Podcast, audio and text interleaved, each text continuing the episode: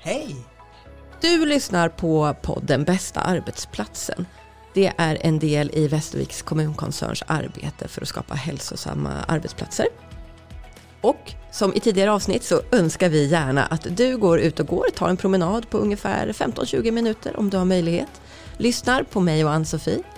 Funderar lite extra på en reflekterande fråga i slutet och sen så ses ni i arbetsgruppen igen och diskuterar vad ni har hört och hur ni kan applicera det på er arbetsplats. Och vi som är här är jag, Sara Nordling, kommunikatör på kommunen. Och jag, Ann-Sofie Karlsson, som jobbar som projektledare med arbetsmiljö i Västerviks kommun. Idag så ska vi prata om friskfaktorn kompetensutveckling hela arbetslivet.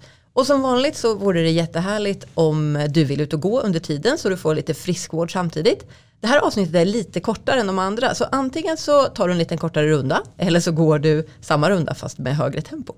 Och kan du inte ut och gå så går det såklart jättebra att lyssna där du är just nu också. Friskfaktorn kompetensutveckling hela arbetslivet. Ann-Sofie det låter ju fint och härligt. Vad innebär det egentligen? Ja, eh, det innebär ju att vi ska kunna känna att vi har kompetens för de uppgifter vi har hela arbetslivet. Att det är inte bara någonting man skaffar sig i början på karriären utan vi vet ju alla som har jobbat ett tag hur våra arbeten förändras även om vi inte byter jobb. Eh, och byter vi jobb så har vi ju ännu, ännu mer behov av kompetensutveckling och sen lär man sig ju under tiden. Det är ett ständigt lärande. Egentligen handlar ju kompetensutveckling eh, hela arbetslivet också om att vi lär oss varje dag. Vi, vi kanske lär oss av varandra, vi kanske eh, läser någonting som vi lär oss av eller att våra egna misstag kan ju också göra att vi lär oss. Men att vi har ett, en systematik i, i lärandet, att det är inte bara för de nyanställda eller för, för den som kommer ny på ett jobb som, som eh, ska få kompetensutveckling utan att det är någonting för oss alla. Och då tänker ju jag att man kan ju göra det här hur stort som helst eller litet som helst. Jag tänker ju direkt på så här, ja, jag åker iväg på en kurs varje halvår och lär mig någonting. Men det, jag har förstått att det kanske inte riktigt är så det är menat. Nej, det är ju en del i kompetensutveckling att man kanske ibland behöver åka på eh, kurs och en utbildning externt eh, för att lära sig något specifikt. Men lika många gånger kan det ju handla om att vi kanske byter arbetsuppgifter med varandra, att vi kanske prövar arbete på en annan avdelning eller en annan enhet till exempel. Det är också ett form av lärande eller att man eh, har ett systematiskt utbyte på till exempel arbetsplatsträffar. Där kan man ju faktiskt ha en punkt på arbetsplatsträffen där man delger varandra nya lärdomar. Och ibland kan det vara att någon har varit iväg på kurs och då att man också har en liten miniföreläsning för varandra. Vad lärde jag mig? Hur, hur kan vi använda det här? Så att det också stänker över till de andra. På så sätt kan man ju skapa ett gemensamt lärande. Så miniföreläsning eller stänk som man ibland säger kan man ju faktiskt också ha på, på arbetsplatsträffen så att man sprider till fler. Man kan ju också ha en, en omvärldsbevakning till exempel. Det här läste jag eller det här hörde jag av några andra som gjorde och arbetade med och att man tar upp det som för diskussioner är någonting som vi kan göra så att man ständigt omprövar sina arbetssätt och inte håller fast vid gamla sanningar, gammal kunskap. För att det är ju så idag, det går ju ganska fort utvecklingen och eh, den kunskap vi har, mycket av det vi har blir ju faktiskt gammalt. Det finns ett bäst före-datum så att man också är uppmärksam på att se när behöver vi förändra någonting nytt och behöver vi i så fall mer kunskap för det. Som medarbetare har jag rätt då till viss typ av kompetensutveckling varje år. Säg att jag får åka på två kurser per år. Eller, eller finns det någon sån regel inom kommunkoncernen? Nej, någon sån eh, specifik regel finns det ju inte utan det är ju eh, i dialog som vi pratar om nästan vid alla våra poddar så, så sker ju mycket planering och arbete mellan, mellan chef och medarbetare i dialog. Och om vi tar då till exempelvis vid medarbetarsamtalet där brukar ju frågan om man har kompetens för de arbetsuppgifter man gör eller om det är någonting man känner att man har behov av att lära sig mer av. Eh, så det är ett ypperligt tillfälle att ta upp eh, saker och då kan det ju handla om att åka på kurs. Men ibland kan det ju handla om att man behöver eh, kanske bara läsa in sig på någonting och att man då kan få inläsningstid. Eller det kan ju också vara att man kanske behöver lära sig mer av en kollega som kanske har en specialistkunskap om någonting som man också kanske kan gå bredvid och titta på hur, hur den personen gör. Alltså det är ju eh, att titta på vad, vad som egentligen gagnar just nu. Vad behöver jag för att göra ett bra jobb och få så bra förutsättningar som möjligt. Och ibland kanske inte har med jobbet att göra utan det kan ju lika gärna ha att göra med våra regler på arbetsplatsen eller, eller vilka mål vi har. Det är också en form av lärande. Eh, vad har vi för mål hos oss? Och det är inte alltid så lätt att svara på. Eh, så det behöver man ju också prata om på arbetsplatsen. Det är också ett form av lärande. Vad är jag i för verksamhet och vad, vad är det jag som förväntas av mig? Vad är det jag ska uträtta? Varför är det viktigt med kompetensutveckling i hela ens arbetsliv för just arbetsmiljöns skull? Får det mig att trivas bättre på jobbet? Ja, det skulle jag vilja säga att det gör och det är ju också så att du lättare håller uppe ditt engagemang och känner mer arbetsglädje. Du blir också mer säker i, i ditt arbete. Är du säker och trygg i det du gör så eh, blir du också gladare och mer engagerad i, i det såklart och risken för att göra fel blir också dessutom mycket mindre. Gör man inte så lika många fel då tar det inte heller lika mycket tid att göra om och göra rätt utan då kan man ju få en mer effektiv verksamhet som gör också att man känner att man har bättre flyt i, i sitt jobb. Om vi pratar kompetensutveckling för hela arbetsgruppen och inte bara för mig, vad skulle det kunna handla om då? Ja men det kan ju faktiskt vara så att man eh, på arbetsplatsen inventerar vad, eh, vad, vad, vi har för kunskaper var och en av oss och tittar på har vi de kunskaper som krävs eller kompetenser som krävs för att utföra det uppdrag vi har. Och så ser man ju vilka har vilka kompetenser eller kunskaper och hur skulle man kunna göra för att sprida den kunskapen till flera till exempel. Eller man kan bestämma sig för att det här är miniminivån på våran arbetsplats. Det här ska alla kunna och sen kanske man har en viss kunskapsnivå eller kompetensnivå som några få kan och sen kanske man har ytterligare en nivå där bara kanske en eller högst två som har de specialistkunskaperna.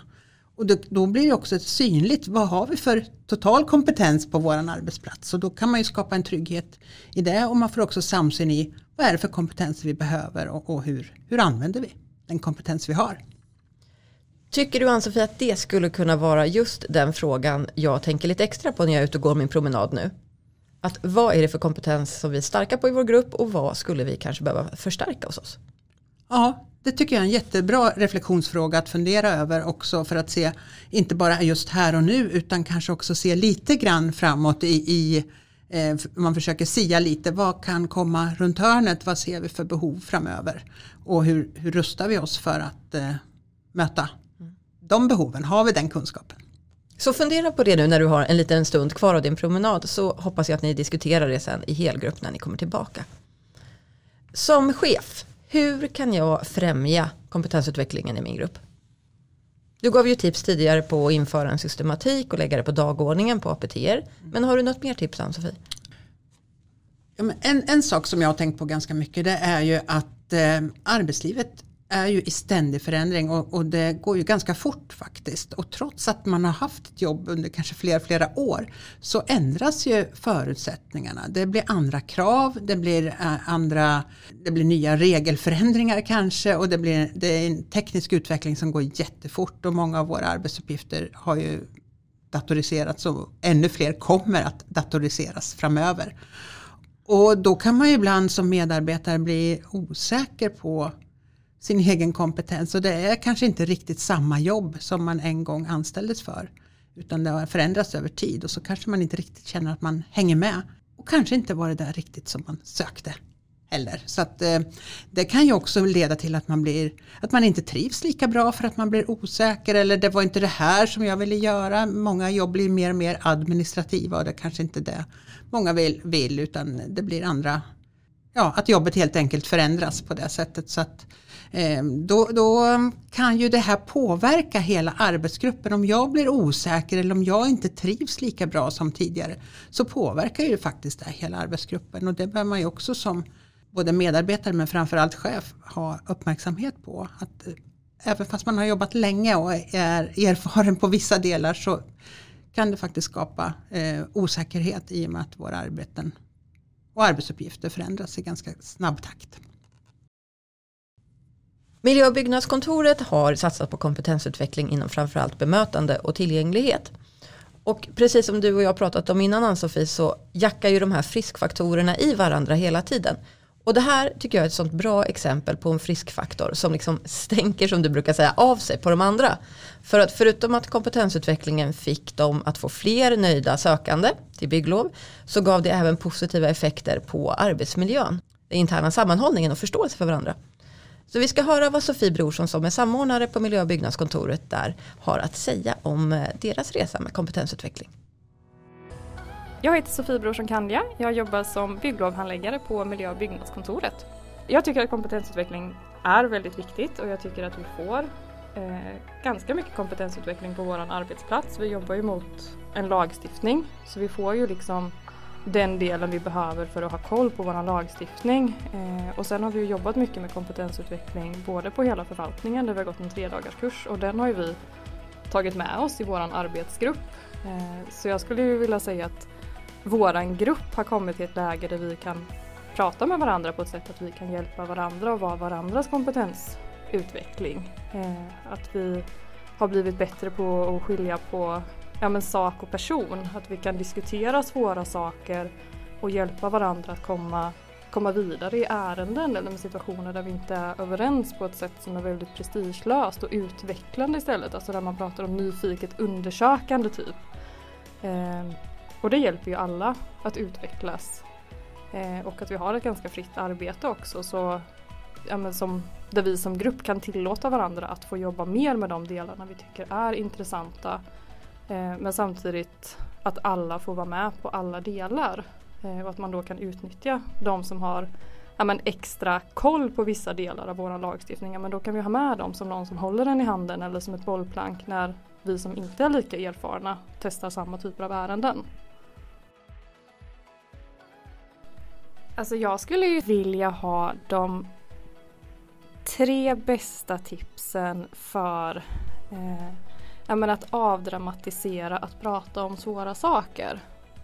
För det är det jag upplever är det allra svåraste. Både alltså inom sin arbetsgrupp eh, men även när man ska prata. Alltså vi förmedlar ju en del liksom svåra, vad ska jag säga, svåra besked eller negativa besked. Att nej, du kanske inte får bygga det huset du har drömt om och planerat i massa år. Eh, vad, ja, men, hur man gör det på ett så bra sätt som möjligt. Eh, utan att någon ska känna sig förminskad eller trampad på. Men samtidigt så att man ändå kan behålla sin integritet i det man säger. Det skulle jag vilja ha de bästa tipsen på. Spännande Ann-Sofie att du fick lite frågor här från Sofie också. Ja, jättekul. Vad vill du svara henne? Svåra samtal. Hur tar jag dem och vad är dina bästa tips? Ja, svåra samtal. Det är ju bara orden kanske väcker lite olust egentligen. Jag brukar ibland tänka på det som de viktiga samtalen eller de nödvändiga samtalen för att det, det är de samtalen som vi kanske mest behöver prioritera. Jag får ju en liten jobbig känsla i magen bara jag hör svåra samtal. Jag är lite konflikträdd som säkert många andra kan känna igen sig vid. Och det finns en tendens inom mig att jag går och funderar och ältar och drar ut på det här på tiden. Ja, och du är nog inte ensam om. Och eh, de flesta av oss vill nog ducka för de här samtalen och tycka det går nog över eller det, det, blir nog bra ändå. Men oftast så är det väl bäst att ta de här samtalen innan det har gått för långt. Och att man kanske, om det blir lättare, det vet jag inte, om man tänker att det här är ett nödvändigt samtal, jag behöver ta det här samtalet, det är nödvändigt. Det behöver inte vara svårt egentligen, även om det är olustigt så behöver de inte vara svåra, utan de är nödvändiga för att ta. Och för en chefs del så kan ju det ibland handla om att en medarbetare inte gör det som man har kommit överens om.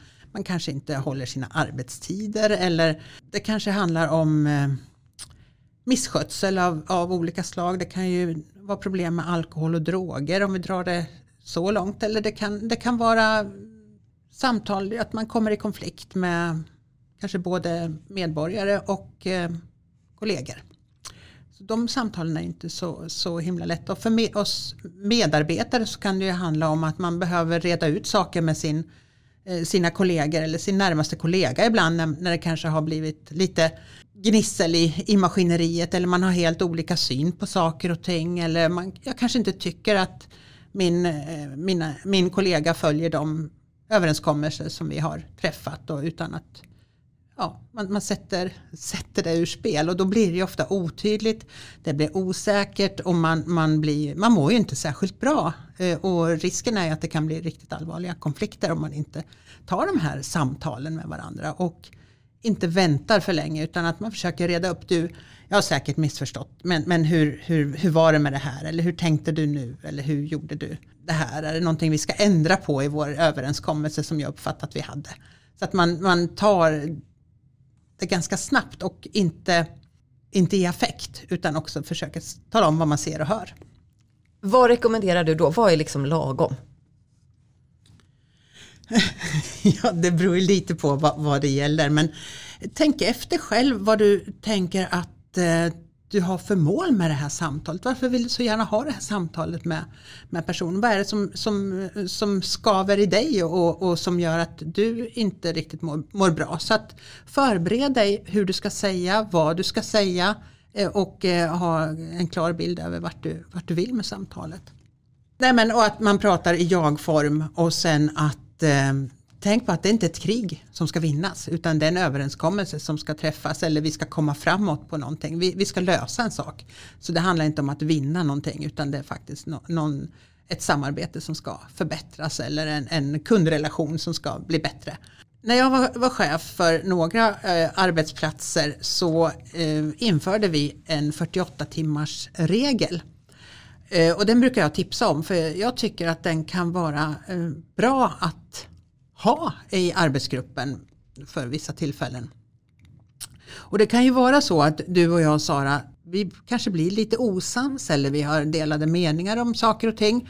Och eh, känner, eller att kanske att jag upplever att du var rätt sur. Du lät ganska sur på mig och jag blev lite ledsen vid det här tillfället. Då kan man faktiskt göra så att man inför en regel på 48 timmar att eh, istället för att jag går och pratar skit om Sara eller går och funderar själv på vad, vad hon menade eller hur hon tänkte eller hur, hur dum jag tycker hon är så eh, tar jag och säger till Sara, du jag tycker vi ska prata om det här.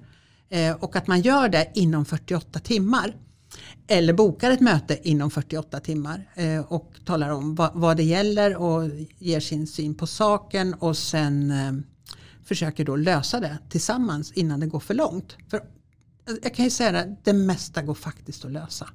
Och det mesta bygger på missförstånd. De flesta av oss har, har ju inga onda avsikter eller, eller så. Utan, men, men att vi missförstår varandra för att vi inte pratar med varandra eller ställer följdfrågor.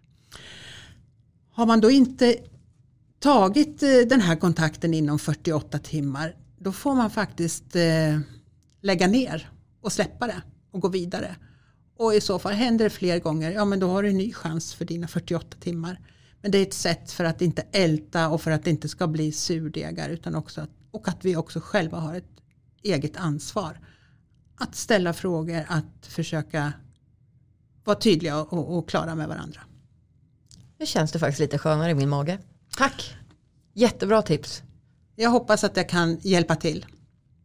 In på koggen och läs mer, dels om den här friskfaktorn men också om Sofie och hennes kollegor på miljö och byggnadskontoret. För jag tror att deras resa kan eh, både inspirera och eh, väcka lite tankar och eh, idéer hos er också. Som vanligt har ni frågor, tveka inte, skicka in dem till oss. Vi tycker det är jätteroligt. Eller hur Ann-Sofie? Ja. ja, vi säger så för idag va? gör vi. Tack för att ni har lyssnat som vanligt. Tack, hej då. Hej då.